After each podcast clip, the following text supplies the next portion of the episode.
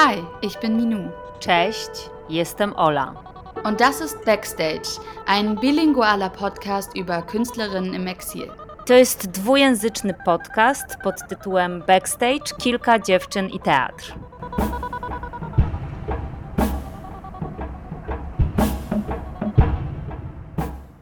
Bardzo Ci dziękuję, że się zgodziłaś, Wiktoria, wziąć udział. Dobrze, dziękuję za zaproszenie właśnie. Ba będę się starała właśnie w jakiś sposób opowiedzieć, o czym się zajmuję, czym się zajmuję i jak sztuka, którą się zajmuję, odzwierciedla to, co się odbywa w Ukrainie, jak się czuję teraz. Więc może zacznijmy od tego, czy mogłabyś się przedstawić po prostu, coś o sobie powiedzieć. E, dobra, e, ciągle to jest e, e ciężki temat, tak? Przedstawienie siebie i e, tym bardziej teraz. Bardzo mi się wydaje, że w ogóle sztuka po pandemii i po wybuchu wojny w Ukrainie bardzo się zmieniła. I nawet to, jak określam siebie. Mm, znaczy, jakby zastanawiam się, jak, jak przedstawiać teraz siebie, tak? Jako artystkę z Ukrainy, jako ukraińską artystkę Wiktorię Meroniuk, która mieszka pomiędzy Polską a teraz Niemcami, bo jestem tutaj w rezydencji. Um, bardzo ciężko to, tak. Chociaż i do tego podróżowałam dużo, mm, migrowałam z kraju do kraju, z miasta do miasta, bo na tym polega jakby e, praca, e, prekaryjna praca artystki współczesności. No. Tak to wygląda. Zajmuję się teatrem współczesnym, tak, zajmuję się teatrem postdramatycznym. E, staram się nie robić dramy też w życiu.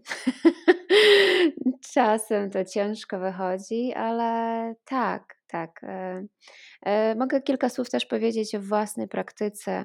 Tak wyszło, że jakby ostatnie lata wyszłam jakby na takie badanie struktur rytualnych w sztuce i w teatrze właściwie. A co to znaczy? Że staram się jakby mm, poszukać, eksplorować w jaki sposób dawne rytuały, ale także, także rytuały, które nie istnieją, które kreują, kreuję ja sama jako artystka, będą stwarzały takie sytuacje, w których ludzie mogą poczuć się bliżej jeden do drugiego, mogą opowiedzieć swoje historie. I zwykle stwarzam też takie historie bardzo kameralne, bardzo intymne też. Um, które są wyznaczone różnymi tematami, tak? Wcześniej się zajmowałam dużo weselami. Teraz ostatnio właśnie jak wybuchła wojna, mam takie powołanie, żeby się zajmować stypami. I to jest moja taka misja teraz, tak? Właśnie widziałam, y, wysłałaś mi ten projekt, który zrobiłaś w Poznaniu, zdaje się, tak? Y, to, Chodzi o, o stypie, tak? Tak. A we Wrocławiu właśnie miesiąc temu była premiera, tak? Um, to jest długa historia, jak doszłam do tego, że zajmuję się stypami. Um, ja Opowiedz. wyszło, jak, ta historia jakby pochodzi z mojej własnej rodzinnej historii, tak? A kilka lat temu, jeszcze przed wojną, moja babcia nagle um, przyniosła mi taką wiadomość, ona jest obywatelką Polski, chociaż całe życie mieszkała w Ukrainie, nie? że a w jej własności jest budynek jej matki, który się znajduje w dolnośląskiej wsi. Ja muszę pojechać tam i załatwić po prostu dokumenty, jakby legalne sprawy z, tymi, z tym domem, z tym ruiną, z tą chałupą, jak ona nazywała ten dom. A to jest dom jej matki, to znaczy mojej prababci Agaty. Dlatego, że dalecy krewni, którzy tam mieszkali, one, oni nagle zmarli. No i kiedy ja przyjechałam do tego domu i zaczęłam jakby a, chodzić po I to naprawdę były ruiny, bo on tam jakby, jak powiedzieć po polsku, już ten dom wykiełkował, nie? że pleśń się pojawiła w środku, bo tam z jednej części, gdzie mieszkała moja prababcia Agata i zmarła prawie 30 lat temu, już nikt nie mieszkał, tylko w jednej części a, budynku mieszkali ludzie nie? i oni też zmarli. I ta, ten budynek po prostu naprawdę stał taki opuszczony, zaniedbany i wszyscy mi mówili, odradzali, mówili, że Wiktoria sprzedaj to po prostu, ale tam był taki jeden moment. Pierwszy, że ja jako dziecko jeszcze w latach 90. z rodzicami przyjeżdżałam do swojej prababci z Ukrainy, nie? To były ciężkie czasy w Ukrainie i moi rodzice zajmowali się handlem. Jeździli z Ukrainy, kupowali tam różne rzeczy, sprzedawali w Polsce, nie? No i przyjeżdżali do mojej prababci. I ja pamiętam ten dom. Pamiętam, jak on bardzo fajnie pachnął, jak moja prababcia, ona gotowała i to kuchnię pamiętam, jej stopy pamiętam. I kiedy weszłam na strych i znalazłam taką walizkę, i w tej walizce były różne rzeczy z mojej prababci.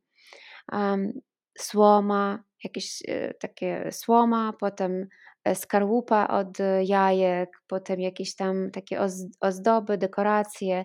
Ja nie mogłam zrozumieć, dlaczego to jest. To były tak jak dla wiedźmiackie różne mm, narzędzie, tak?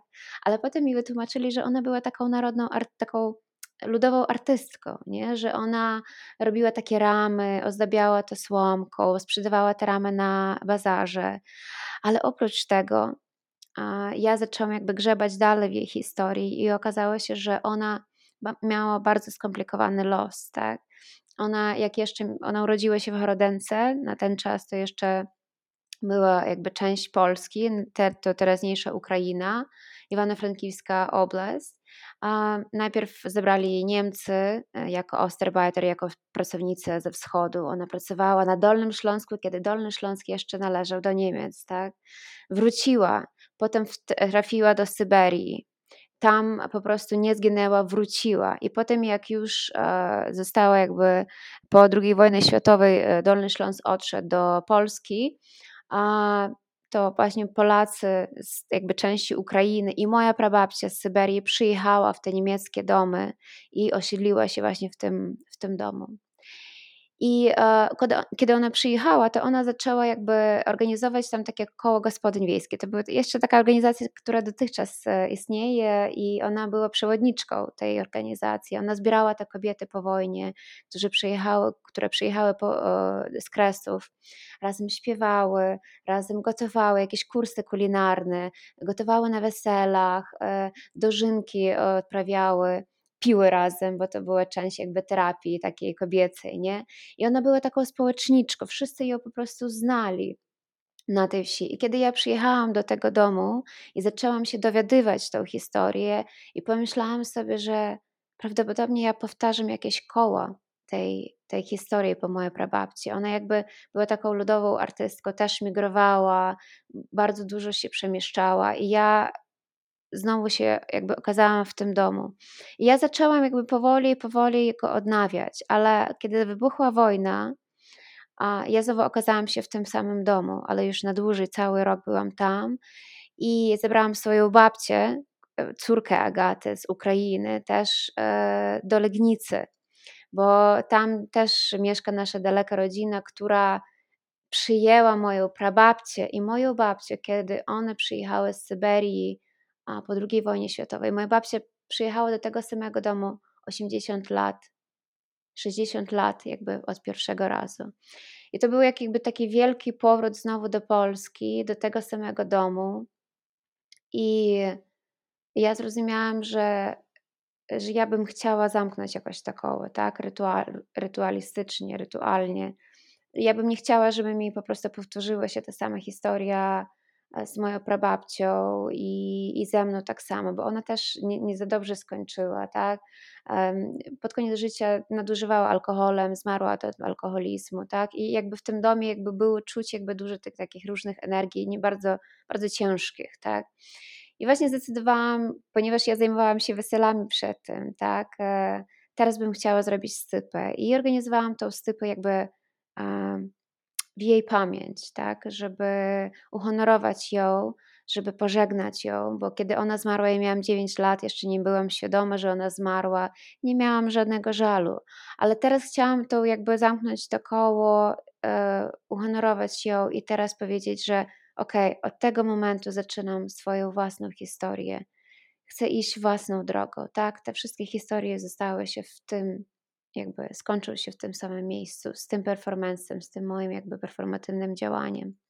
To jest bardzo kameralne też, e, taka kolacja performatywna z ukraińskim jedzeniem.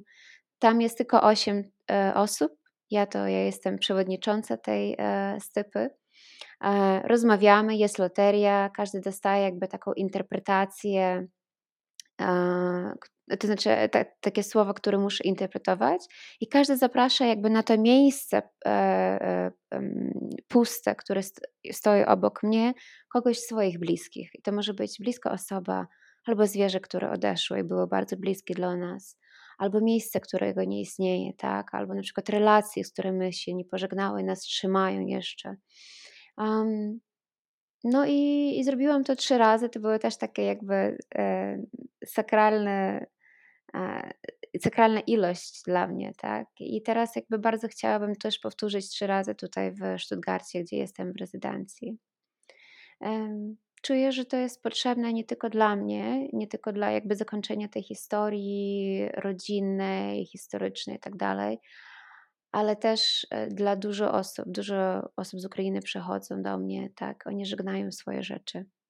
Są w innych miastach, w innych okolicznościach i dla nich to jest bardzo ważne powiedzieć swoją historię bardzo intymnie, nie, na, nie tak jak w teatrze, nie? kiedy się stresuje, że teraz musisz coś a, grać. Tak? To jest bardzo Mm, bardzo proste działanie, ale mi się wydaje, że jakoś tak e, psychomagicznie to działa. No tak, wspólne siedzenie przy stole i jedzenie chyba też jest takim, e, taki, tak, taką ceremonią czy czynnością, która zbliża ludzi, dzielenie się jedzeniem. Hmm, A tak. powiedz mi, na ile ten performance jest jakby przygotowany, to co się wydarzy w trakcie? To znaczy, e, ja do tego już pracowałam z taką otwartą dramaturgią, w sensie, że ja mam przygotowane jakby swoje postępowanie dramaturgiczne, tak, to co bym chciała powiedzieć, ale te historie, które występują, one się wiążą też z moimi historiami i interpretacją, która się pojawia już jakby przy każdej okazji, tak, także każda sztuka jest inna, każda historia jest inna i też e, ta atmosfera przy stypie jest e, zupełnie jakby odmienna. I to mi się podoba, że każdy raz to nie powtórzenie tego samego, tylko jakby stworzenie nowej sytuacji, stworzenie nowej, nowego napięcia. A, a kto wziął udział z, z uczestników? Chyba trudno ich nazwać widzami, osoby, które mm uczestniczyły. Kto, mm -hmm. kto do tej pory, y, czy to byli tacy ludzie, którzy cię znali wcześniej, czy, czy e... trochę z ulicy bardziej? E, z Wrocławia to było bardzo ciekawe, bo był jedyny jeden pokaz, który był totalnie tam było jakby tylko moje przyjaciółki, rodzina z Legnicy, która przyjęła właśnie moją babcię i jedna dziennikarka, która była obcą osobą. I tak okazało się, że ona jakby nie miała miejsca. No już e, u nas jest, nie wiem, czy jak w Polsce na przykład ktoś przychodzi do wesela, ale na wesele albo na przykład na stypę, ale nie jest zaproszony, tak? U nas to się nazywa halawa. Ta, ta dziennikarka weszła jako halawa, tak na krzywy ryj u nas w Polsce się mówi chyba, nie? Tak, tak, I tak się mówi. To, e, to było ciekawe, bo ona była jakby obserwatorką, ona nie brała udziału bezpośrednio, chociaż jadła z nami i ona jakby po prostu była taką jakby takim trochę alter ego do tego, co się odbywało. Um, reszta osób to były po prostu czasem ludzie, ludzie z ulicy. Odbywało się w bardzo e, ciekawym miejscu, e, w instytucji, która się opiekuje ludźmi z doświadczeniem bezdomności, Miser Art we Wrocławiu. I na niektórych nawet pokazał, bo nam ktoś tam na przykład zarezerwował miejsce, ale nie przyszedł, nie pojawił się, to zapraszaliśmy też ludzi właśnie z tej instytucji i było bardzo ciekawe, jak oni reagowali na to. Dla nich to było bardzo dziwne, bo to z jednej strony tak jakby prezentuje się jako teatr, a z drugiej strony to wygląda zupełnie jak stypa, tak? Tylko na stypie na przykład tam nie ma takiej loterii, jak ja robiłam, albo nie tak się po prostu rozmawia, no po prostu dziwne dla nich to było. Ale ja jestem szczęśliwa, że mogła pokazać też jakby inny teatr, tak? Że, że może być i tak, intymnie, kameralnie, fajnie. Hmm. Bardzo ciekawe. Ja w ogóle byłam ostatnio w Indiach i słyszałam o dosyć, znaczy podobnym koncepcie. Nie dotyczył on stypy, tylko y, to co, podobieństwo, które widzę, to to, że tam artysta zapraszał ludzi też do stołu, żeby zjedli posiłek przygotowany przez niego, ale ten, to był artysta, który był spoza systemu kastowego i zapraszał o. ludzi, oni rozmawiali o kastach i o społeczeństwie indyjskim. I akurat ostatnio, jakieś parę tygodni temu, słuchałam podcastu, gdzie ten artysta opowiadał o tym projekcie. To ciekawe. E, Tak, i teraz mówisz też o tym jedzeniu, jakoś mi się tak to wszystko, myślę, że to jest bardzo e, ciekawa okoliczność. E, tak. Wiadomo, że tak. to jest zupełnie inny kontekst e, i zupełnie inne warunki, ale i inne tematy poruszacie. Ale tak. jest coś takiego bardzo intymnego w, w, w siedzeniu razem przy stole. Tak, bo tym bardziej na stypie mi się wydaje, o tym trochę mówię we performencie, że to je nas jakby poziomuje. W sensie, że już nie widać tej różnicy między, między klasami, między um, bogactwem a, a biednością, tak? I po prostu, bo wszyscy, wszystkich nas w końcu łączy śmierć, tak? I o niej rozmawiamy, rozmawiamy o swoich bliskich i to nas jednoczy przy tym stole, przy tym prostym jedzeniu, tak? O nas, przy naszych historiach bo y, taka, szczerość, tak, nawet to gadanie, wspominanie o naszych bliskich, nawet y, kiedy idziemy na pogrzeb, czasem te pogrzeby są na tyle formalne, na tyle wymuszone, że czujemy po prostu żal od tego, że nie możemy pożegnać tego człowieka w prostszy i intymniejszy sposób, szczerszy, tak. Także staram się właśnie działać na, takiej, e, na takim obszarze bardzo intymnym. Powiem szczerze, że też ciężko to, to jest taka historia festiwalowa raczej, tak, żeby to grać w teatrze, to trzeba dużo odwagi też instytucyjnej, tak, bo to wiąże się z kosztami, to wiąże się też z produkcją i z, e, współczesny jakby system teatralny jest mocno związany z kapitalistycznym też jakby tym, z tą maszyną, która tylko produkuje i chce więcej e, profitu i tak dalej, no. Tak, tak, absolutnie się zgadzam z Tobą, że fe, w takim festiwalowym albo bardziej niezależnych y, miejscach y, teatry repertuarowe, czy takie, no, tam zazwyczaj nie ma miejsca na takie działania. Przede wszystkim też dlatego, y, że tak mało osób może w tym wziąć udział jednorazowo. Tak a, jest. A, a teatr, tak instytucja ponosi jakieś koszty. Hmm. Chciałam też wspomnieć o takim jakby tak trochę jakby poszerzyć ten kontekst, e, wspomnieć o takim festiwalu, który istniał w Poznaniu, już teraz nie istnieje, Bliscy Nieznajomi. I on był skupiony właśnie na tych e, artystach i artystkach ze wschodu i z Ukrainy szczególnie, tak. E, kurowała ten festiwal Joanna Wichowska, która niestety zmarła nie tak dawno temu i Agata Siwiak. I dwa lata temu zaprosili oni mnie żebym zrobiła też taką interwencję. I to był akurat ten rok 2021. Akurat jeszcze zostawało się tam kilka miesięcy jakby do wybuchu wojny, ale w powietrzu już była jakby ta atmosfera trwogi. Ja jakby czułam to i mm, jakby ta, ta, ta, tą atmosferę chciałam jakby uspokoić siebie, ale też tych swoich widzów. I zrobiłam taki, um, taką, takie performatywne działanie, które się nazywało Schron. E, zbudowałam, jest taki, taka instytucja w Poznaniu, która się nazywa Domie. A to jest takie wygląda jak opuszczone mieszkanie w centrum Poznania i tam w tym opuszczonym mieszkaniu wybudowałam taką bazę dziecięcą, tak jak kiedyś budowaliśmy, jak byłyśmy dziećmi, nie? I to było bardzo takie różowe wnętrze, bardzo przyjemnie. Tam była woda, e, tam były różne e, ceramiczne przedmioty, które nam przygotowała świetna artystka Olga Sklarska, też z Ukrainy, ale mieszka w Poznaniu teraz. I w tych w tym schronie była performerka, to była aktorka z Teatru Polskiego, e, Kornelia Trawkowska. Ona e, opowiadała jakby swoją historię e, przez różne te przedmioty ceramiczne, nazywając te przedmioty zabezpiecznikami, tak? To znaczy, tak jak w, w prądzie mamy te zabezpieczniki, tak? Jak na przykład jest za dużo prądu, to oni je wtedy wystrzelają i to nie pozwala jakby być, e, e, jakby nastąpić zwarciu, tak? tak bezpieczniki. No, bezpieczniki, tak, tak, bezpieczniki, o. I one jakby nawołując, nawiązując do tych bezpieczników od prądu, opowiadała też o takich sytuacjach w życiu, kiedy napięcie już było na tyle ostre, co jej pomagało w tym życiu, tak? Jakie to były albo przedmioty, albo sytuacje, albo w ogóle jakieś performatywne działania, które pomagały jakby z tą trwogą jakoś poradzić sobie, nie?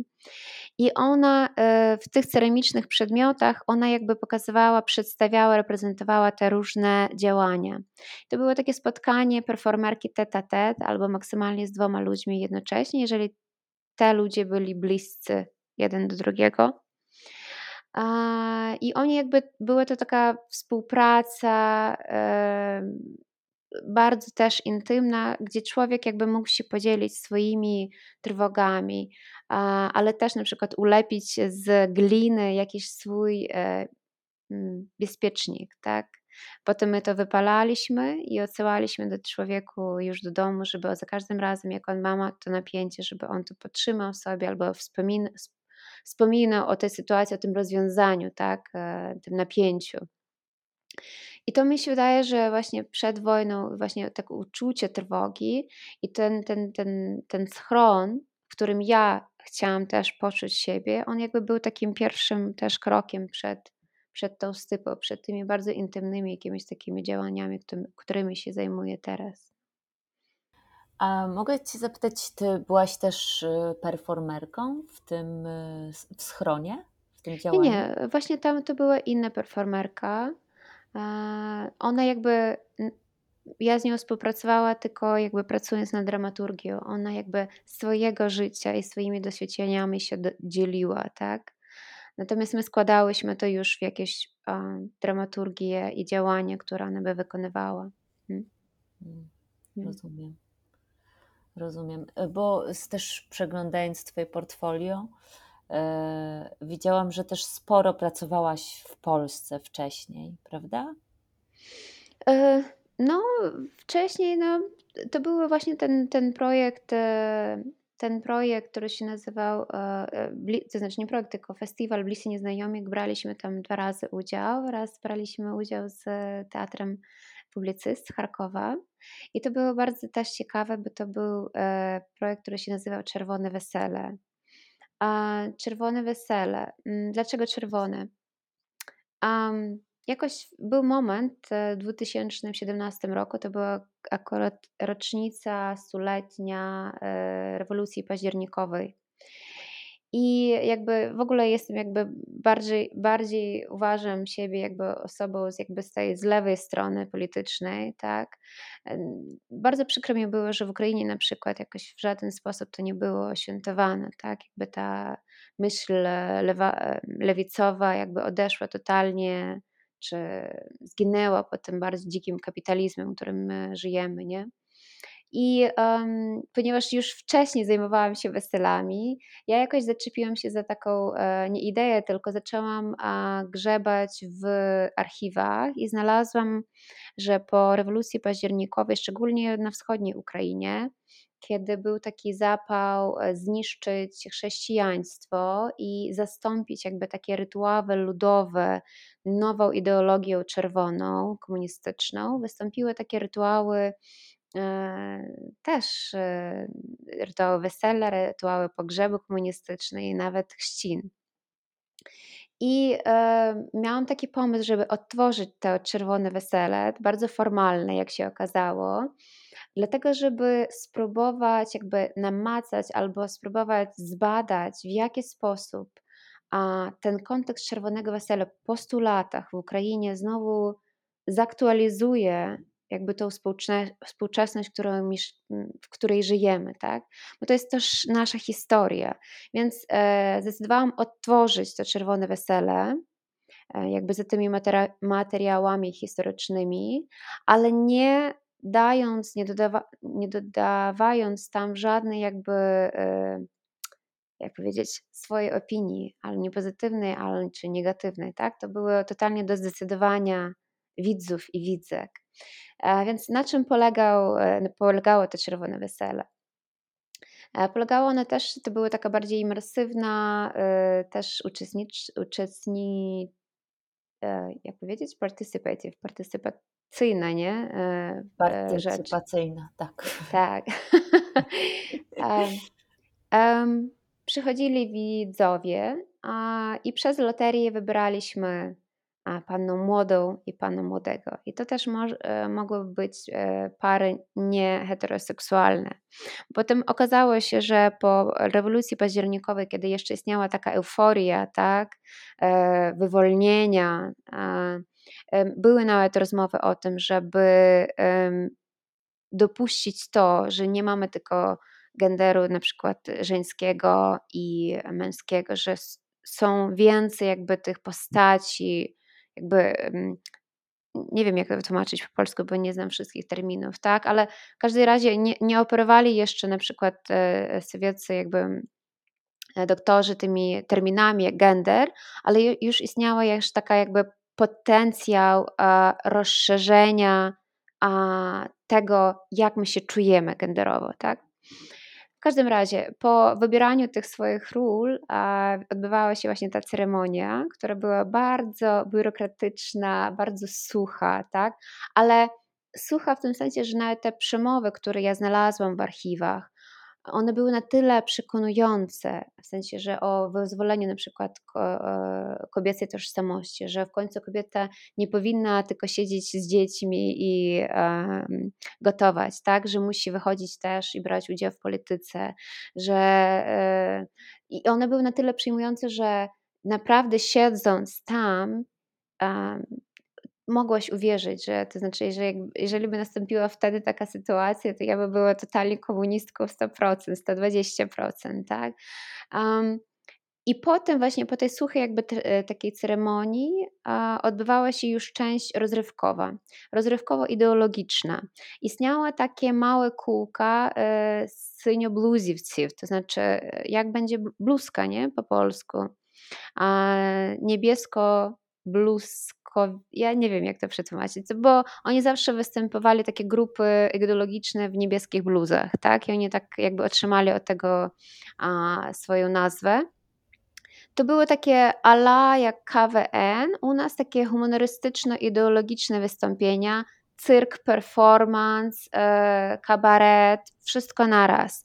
Ale to były i wiadomości komunistyczne, razem z rozrywkowymi jakimiś rzeczami e, o różnej treści, ale bardzo ważne, żeby to trzymało jakby napięcie i trzymało też uwagę tych widzów. Także jakby była to część jaka tak by czerwona, ta komunistyczna, e, bardzo sucha, ideologiczna, ta druga część rozrywkowa, taka niebieska właśnie. I na tym się polegało właśnie ta, polegało to wesele. Bardzo ciekawe było, jak to było odebrane w Polsce, ponieważ ten kontekst jest trochę zupełnie inny. W Polsce nie były tych czerwonych wesel, tak? Natomiast my pojeździłyśmy trochę w Ukrainie z tym czerwonym weselem w różnych regionach. Byłyśmy w Charkowie, w Mariupolu, byliśmy w Riwnym, w, Lwowie. W Lwowie to w ogóle u nas e, na przykład, bo wybrały to dwie dziewczyny, dwie pany młodych okazały się, to jedna dziewczyna w ogóle zrezygnowała, powiedziała, że to grzech, nawet w trakcie przedstawienia, żeby się żenić, tak? Wow. A, tak, w Rivnomu to jest e, trochę wyżej od Lwowa, zachodnia Ukraina, to w ogóle jakiś tam naczelnik naszej policji powiedział, że takich ludzi jak wy to wcześniej w ogóle by wystrzelali. Tak, w Charkowie to bardzo ludzie się, się śmiali, bo oni jakby bardziej siebie mm, jakby wgadywali, to znaczy jakby nie wiem, oni jakoś i bardziej ironicznie mieli e, jakby e, odniesienie do tego.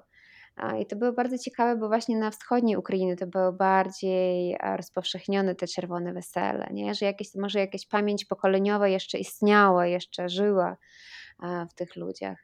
No, także to było takie bardziej badanie też społeczne przez e, reaktywację tego performance'u, tak? Performance, czy to znaczy historii, tak, która się odbyła tak. 100 lat temu. Też no. patrząc na Twoje portfolio, też mam takie poczucie, że y, y, dotykasz mocno takich społeczno-politycznych y, tematów i też tematów pamięci i, i tego jakby co, co ta przeszłość znaczy i, i jak ona wpływa na to, kim jesteśmy teraz. E, też tak. jakby czy, czytałam i oglądałam zdjęcia i jakieś fragmenty wideo, więc to też nie jest, e, nie widziałam żadnego z Twoich performance'ów niestety. Mm. Bardzo bym chciała mm. zobaczyć. E, Na ten temat mogę powiedzieć, że teraz już trzy lata w teatrze w Lwowie, Teatr Lasii Ukrainki, idzie też mój performance, który się nazywa Ujawni, to znaczy wyobrażone hmm, szlaki Lwowa, tak? To jest e, też performance dla 10 osób i to się odbyło dookoła stołu z piaskiem. Na tym piasku uczestnicy to są dwie performerki, które rysują historię, różne historie Lwowa z różnych czasów, tak? Od dawnych czasów do teraźniejszości. O tym, jak tam istniała rzeka i która dotychczas płynie, ale pod asfaltem, pod drogami, co się stało z tą rzeką, tak? To jest taki też ekologiczno E, duchowo-historyczny performance, też bardzo intymny, ja go bardzo lubię, nie? I te dwie dziewczyny, które z długimi paznokciami ryksują na piasku, e, wyglądają trochę jak wiedźmy, nie? Które, to znaczy osoby czy kobiety, które wiedzą, tak, wiedzą o co chodzi i oni jakby wracają wszystkich e, siedzących tam do przyszłości, dlatego żeby przypomnieć, gdzie jesteśmy teraz i co będzie z nami też w przyszłości, tak?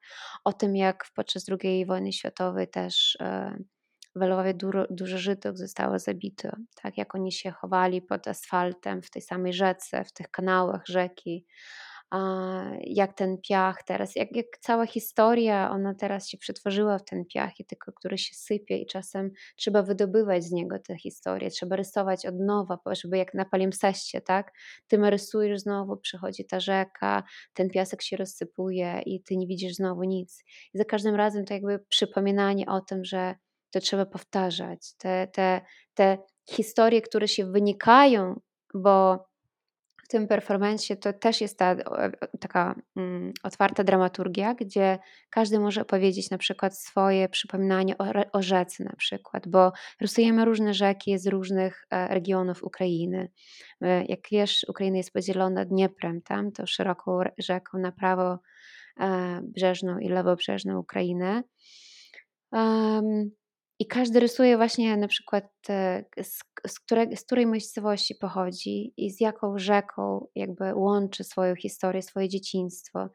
I uwierzę, że każdy ma jakąś bardzo intymną, bardzo taką przejmującą historię o tej rzece, która na przykład teraz już wyschła, albo która została na przykład zaraz zamulona, albo za, e, nie wiem, e, totalnie jakby ludzie zaniedbali ją przez e, no, różne powody. I, i, I te historie, które powstają, ta żywa historia, to jest metodologia żywej historii, ona tworzy właśnie to, co się odbywa jakby w tym performancie. To jest najważniejsze. Ten palimpsest też taki e, ustny, tak? Nie tylko przez rysunek, ale przez opowieść. A Wiktoria, ty pracujesz więcej, od kiedy zaczęłaś tworzyć, pracujesz więcej w Ukrainie, czy, czy poza, czy za, za granicą? Trudno stwierdzić, wiesz, a wszystkie moje prace tak czy inaczej, oni wiążą się z Ukrainą. Oni pochodzą jakby no, z tego właśnie. kontekstu ukraińskiego, tak? Właśnie, też mnie to ciekawi, jak ten kontekst, bo ja też widziałam, że po prostu pokazujesz te prace poza granicami w całej Europie, mm-hmm. głównie chyba mm-hmm. w Europie, prawda? E, jak one są też odbierane, bo wiele ludzi, bo to są takie rzeczy bardzo bardzo związane z rajem, z historią Ukrainy, mm-hmm. czy z mhm. jakimiś tradycjami i dlatego jestem ciekawa, jak, jak to po prostu się przenosi w inne miejsca. To znaczy, ja bym powiedziała, że na razie najdalej, co pokazywałam, no okej, okay, tam e, my pokazywaliśmy Czerwone Wesele w Hiszpanii, tak? I to było bardzo ciekawe, bo teraz e, Hiszpania, ona w ogóle ma taki bardziej lewicowy rząd i a, ludzie jakoś więcej oni jakby tak jakby z, lewicy pochodzą, tym bardziej w e, sztuce, nie? I to było bardzo fajnie, jakby dla nich to nawet trochę taka egzotyka, ale pozytywna egzotyka, tak? Natomiast ja trochę się bałam tego, żeby nie egzotyzować tego, natomiast jakby przynieść, że to jest nasza historia i ta kontrowersja, która istnieje teraz w Ukrainie właśnie z, tą, z tym e, ala lewicowym jakby prze, prze, lewicową przeszłością, że teraz nie jest to słodko. Ja totalnie jestem świadoma tego, poglądu romantycznego nawet na postradzieckie kraje, tak, że o, wy mieliście to, to komunistyczne swój, swoje doświadczenie, że my tutaj w Europie musimy jakby też dążyć do tego. To zupełnie inne, jakby inna rzecz i powinnam jakby dostarczyć, e, też uświadomić tą, tą audytorię zachodnią, ile traum przyniosło nam właśnie to doświadczenie, tak? I w jaki sposób teraz próbujemy z tym uzdrowić się od tego. O. Tak, tak, że, żeby tego nie trochę nie fetyszyzować, nie? Mm -hmm, że to mhm, staje mm -hmm. się jak właśnie to, co też powiedziałaś, że takim orientalnym, egzotycznym Totalnie. ciekawostką. Tak, tak. Więc dla mnie to zawsze właśnie to jest główne pytanie, jak nie egzotyzować to doświadczenie, które jest u nas, na przykład z tymi rytuałami, tak?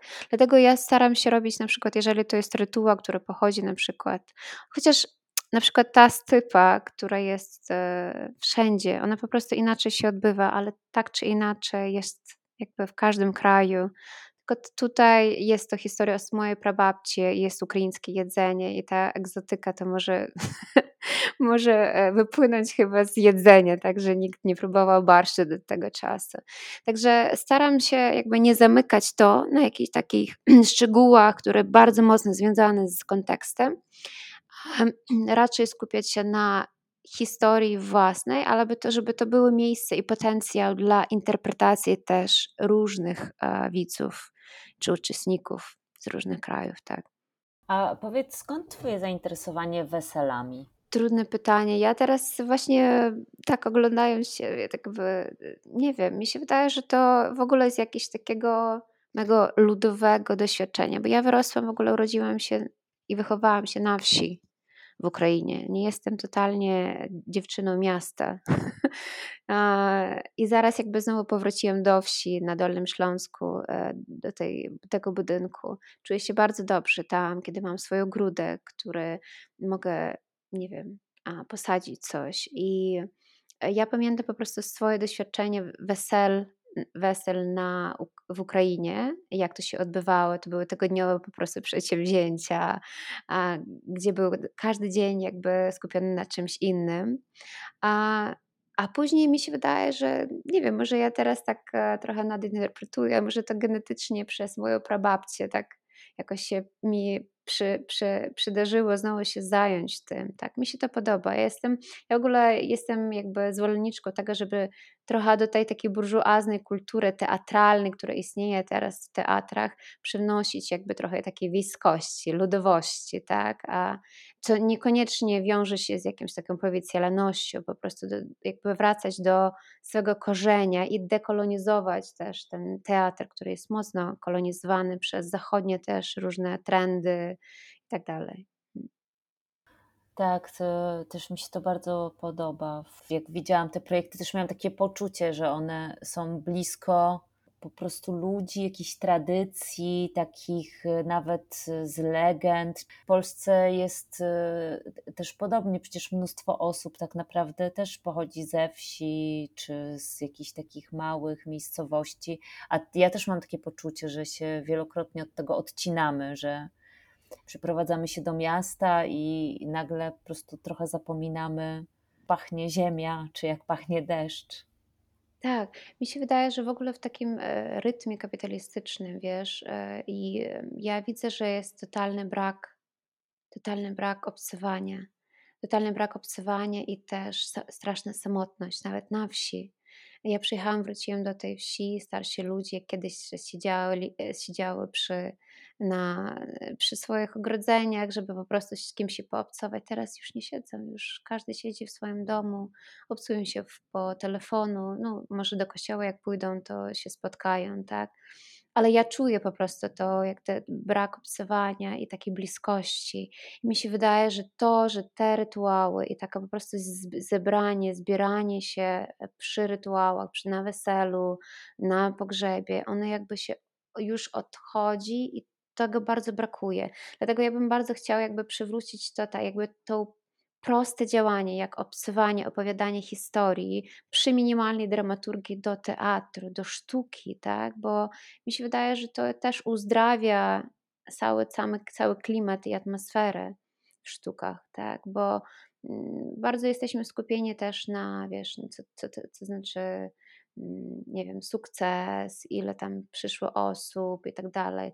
Byłam młodsza, ja też byłam jakby w tym trybie. Teraz trochę zmieniłam swoje zdanie. Mam nadzieję, że trochę zrobiłam się mądrzejsza. Idę, idę jakby swoim szlakiem, no, w którym ja się czuję dobrze i w którym się czuję e, spokojnie i zdrowiej. O. Chciałam zapytać o coś. Aha, czyli teraz mieszkasz? Y, wiem już o co chciałam zapytać. Y, chciałam zapytać, co robisz y, w Stuttgart? Jestem teraz w takiej rezydencji Schloss Solitude. Jest świetna rezydencja, także jak to teraz nas słyszy, to bardzo polecam, żeby ludzie, artysty i artyści po prostu się zgłaszali, bo ja po tym strasznym, najgorszym roku w swoim życiu poprzednim um, bardzo dużo się wydarzyło. Ja byłam totalnie zestresowana i dla mnie to po prostu był jak, jak dostałam już powiadomienie, że dostałam się do tej rezydencji, to jest, jestem tutaj 8 miesięcy, tylko dopiero zaczęłam tę rezydencję. To jest totalny wypoczynek, tak. Bardzo fajna miejscowość, bardzo fajni ludzie z całego świata, artyści, artystki, fajna atmosfera i nie ma tego, e, tej presji produkcyjnej. Chociaż ja musiałam i teraz będę prosiła. Miesięcy?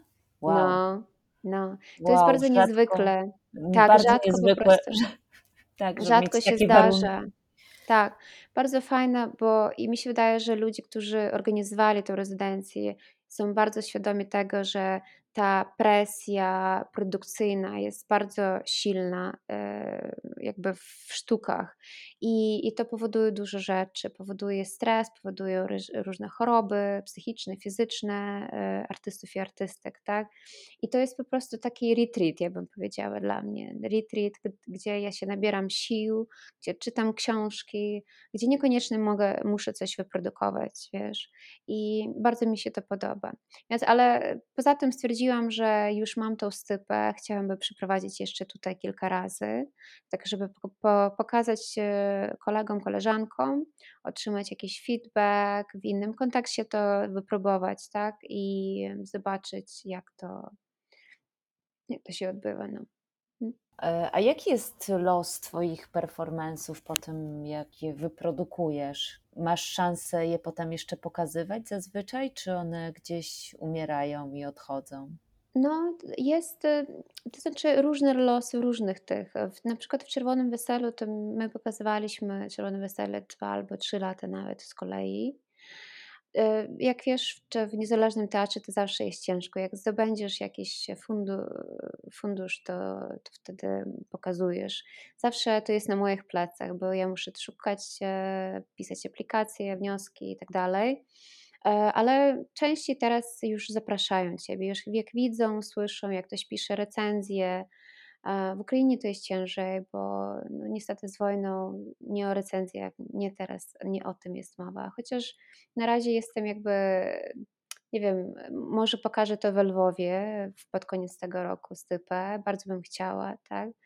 Um, bardzo ciekawie mi jest też po ukraińsku to, to jakby prezentować. Mm, na przykład inny performance, to właśnie o, o Lwowie, to on teraz idzie w teatrze jakby miejskim już trzy lata i to znaczy on ma jakby swój sukces. E, taki, to znaczy na nie sukces, tylko taką pełną stałość swoją, nie? Bardzo się cieszę. On też zmienia się, bo teraz mi tam nie ma, bo to były trzy składy najpierw, e, trzy ekipy właśnie tych kobiet, które, czy aktora, które przeprowadzały, to teraz została się tylko jedna. Coś się zmieniło po wojnie, też coś prowadziłyśmy nowego.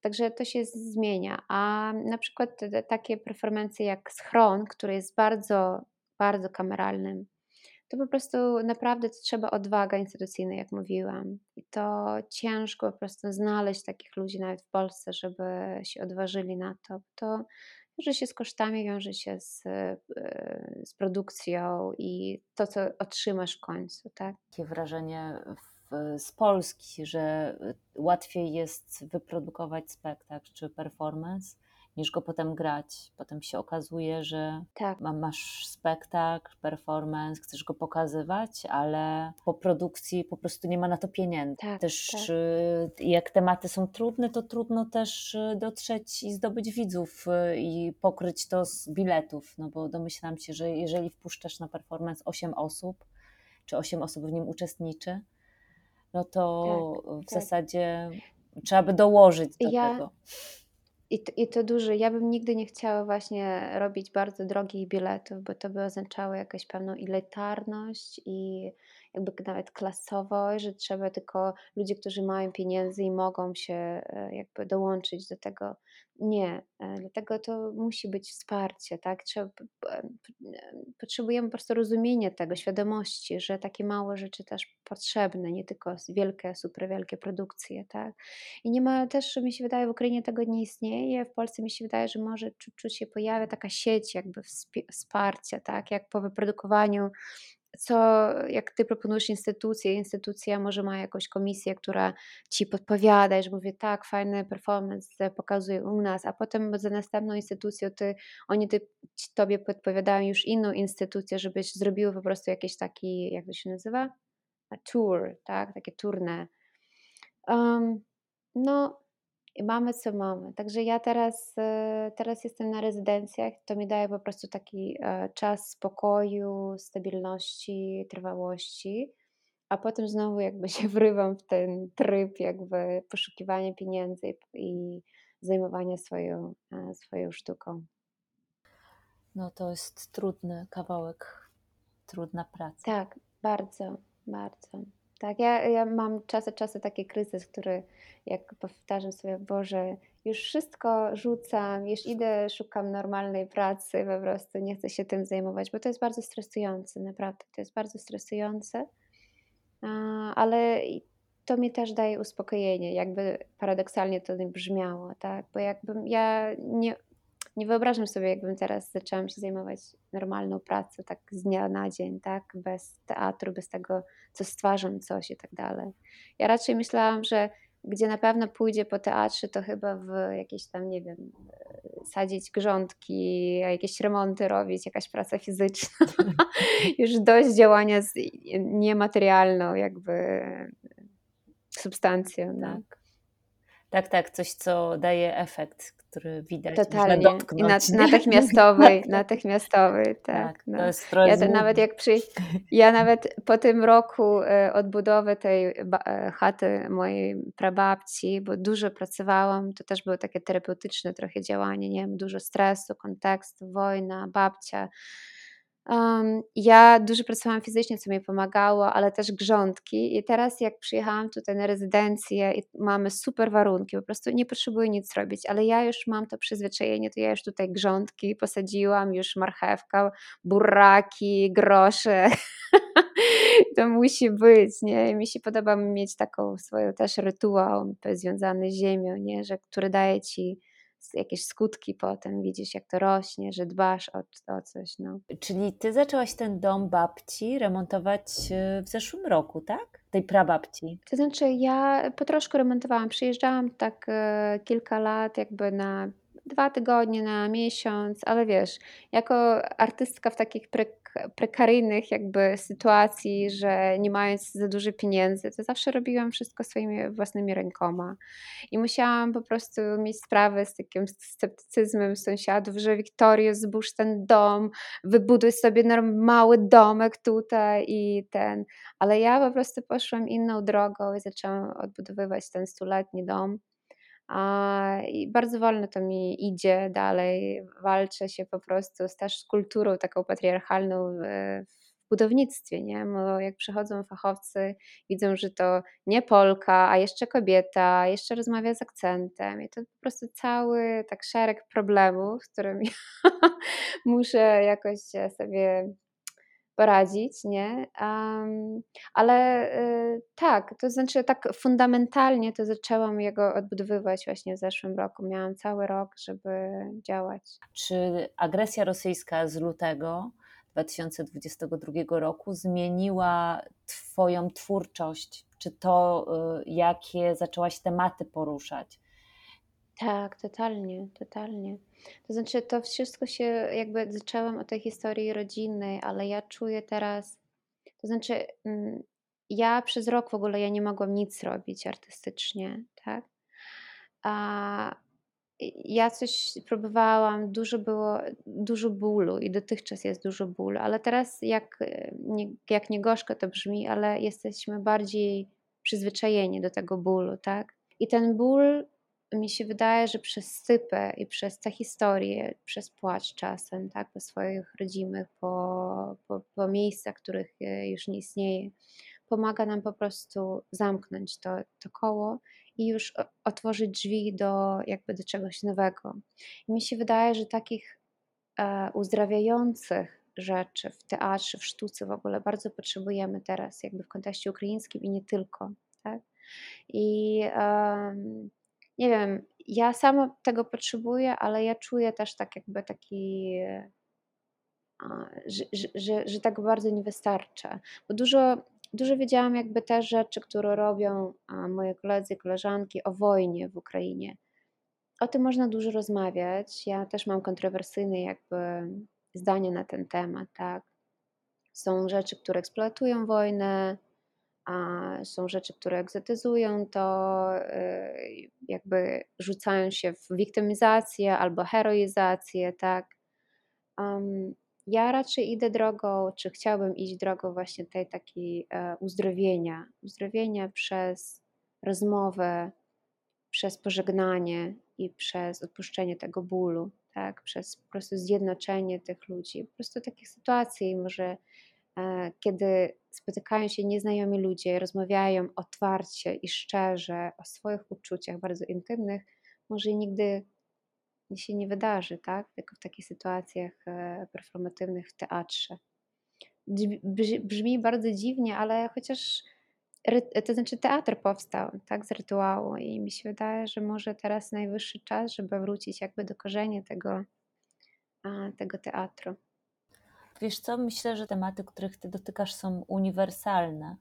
Wiadomo, że one wynikają z tego, gdzie jesteś, tu i teraz, i, i pewnie tak, tak słyszę z tego, co mówisz, że to są tematy, które wychodzą od ciebie, prawda? Jakby z Twoich też przeżyć, Twoich przemyśleń. E, ale też wydaje mi się, że są po prostu uniwersalne. Może forma byłaby inna, może tematy rozmowy hmm. byłyby trochę inne szłyby hmm. w inną stronę, w innych okolicznościach, ale pożegnania y, chyba są też tematem uniwersalnym mimo wszystko. Totalnie.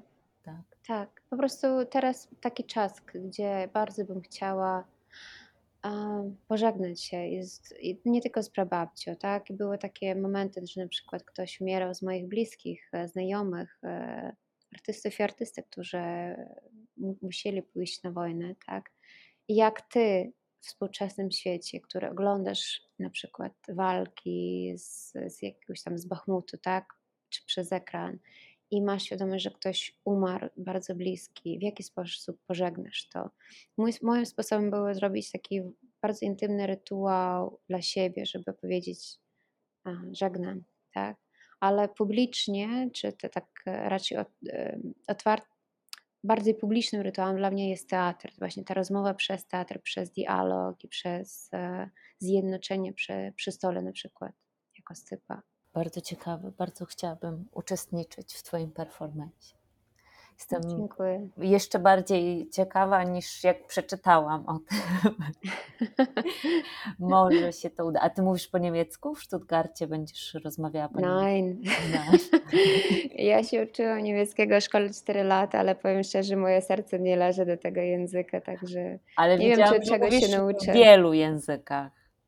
No, to właśnie to z doświadczenia doświadczenia też migracyjnego, nie?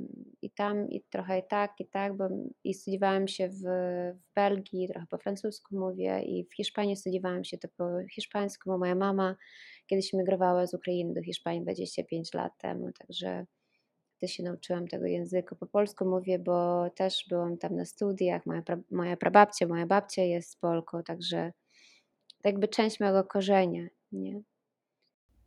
A Wiktoria, czujesz się bardziej Ukrainką teraz niż czułaś się wcześniej? Kiedy podróżowałaś przed 22 rokiem? Może tak, nie chcę mówić, że przed wojną, bo ona się zaczęła wcześniej. Mi się wydaje, że przez ten rok dużo przeszło dekolonizacji, nawet w moim własnym mózgu, tak? Dużo honoru też. Honoru, nie wiem czy to jest odpowiednie słowo, dużo takiego e, e, szany, tak, z dumy, dumy e, za ukraiński naród. Ta tożsamość, ona się emancypowała, mi się wydaje, w końcu, tak? Dekolonizowała się ostatecznie od jakby rosyjskiego jakby tego narratywu. Może nie w totalności, to jeszcze będzie trwało, ale to było bardzo radykalnie i bolesne ale bardzo potrzebny, tak? bo 30 lat prawie jeszcze mieszkaliśmy razem w tej e, kolonialnej po prostu rzeczywistości rosyjskiej. Natomiast mi się wydaje, to nas czeka jeszcze, to ta dekolonizacja od zachodu, tak, od tego zaczarowania zachodem, tak, bo u nas też teraz nam się wydaje, że zachód to jest jedyna ścieżka, którą, którą możemy iść i chcemy iść. To znaczy, Ekonomicznie może do stabilności będziemy dążyć, ale w planie kulturalnym sztuki i w ogóle tożsamości to musimy po prostu rozczarować się, tak? A te czary jakoś roz, roz, tak, e, rozwijać, nie? I bardziej grzeba, nie grzebać, tylko dekolonizować w sensie, że iść do, do własnych korzeni, do korzeni, tak? Pracować nad sobą, nad swoją własną tożsamością. Tak, i szukać chyba własnego języka. Tak, tak, tak jest. Mm. Więc mój sposób w teatrze mi się wydaje, że właśnie to jest też jakby część tej dekolonizacji, tak? Tych, tych, tych korzeni, tych rytuałów, które jakby są ukraińskie, ale z drugiej strony też są uniwersalne. Tak, po prostu mi się chce jakby rozmawiać z tego punktu widzenia, z tego kontekstu, e, co mi boli, E, co mi się podoba i jak ja się czuję. Bardzo Ci dziękuję. Wzajemnie te rozmowy. Bardzo Zawsze to, jest... to pomaga, nawet jak, jak nawet opowiadasz o swoich rzeczach, to Ci pomaga też jakoś więcej to strukturyzować w własnej głowie, nie? I inaczej na to patrzysz. Także dziękuję, że byłaś taką świetną też współlokatorką, współ... E, Współrozmówczynią. Współrozmówczynią, tak, współrozmówczynią. Dziękuję Ci, bo też świetnie opowiadasz yy, i można Cię słuchać i słuchać. I słuchać, Dziękuję. i słuchać. I mogłybyśmy tak spędzić, myślę, kilka godzin. E, mam nadzieję, że uda nam się spotkać na żywo mm, któregoś dnia to i proszę, porozmawiać. Chętnie proszę. usiądę i będę słuchać. Dziękuję jeszcze raz. Dziękuję. Dzięki wielkie za rozmowę. Do widzenia wszystkim. Vielen Dank fürs Zuhören. Dziękujemy, że byliście z nami. Jeżeli chcecie się dowiedzieć więcej o projekcie i artystkach, z którymi rozmawiamy, sprawdźcie nasz profil na Instagramie. Link do profilu znajdziecie w opisie. Wenn ihr mehr über das Projekt und die Künstlerin erfahren wollt, checkt gerne unseren Instagram-Kanal aus. Den Link findet ihr in der Beschreibung. Der Podcast ist Teil des Projekts Kilka Dziewczyn i Theatre, organisiert durch die On-Off Association und dem Hotel Continental Art Space in Exile. Podcast powstaje jako część projektu Kilka Dziewczyn i Teatr, organizowanego przez Stowarzyszenie On-Off we współpracy z Hotel Continental Art Space in Exile. Projekt realizowany jest dzięki wsparciu Fundacji Współpracy Polsko-Niemieckiej i jest dofinansowany ze środków Ministerstwa Spraw Zagranicznych Republiki Federalnej Niemiec. Gefördert wurde Backstage außerdem durch die Stiftung für deutsch-polnische Zusammenarbeit und kofinanziert vom Auswärtigen Amt. Vielen Dank für die Unterstützung und Zuhören. Bis zum nächsten Mal. Dzięki za wysłuchanie i do następnego razu. Vielen Dank. Dzięki.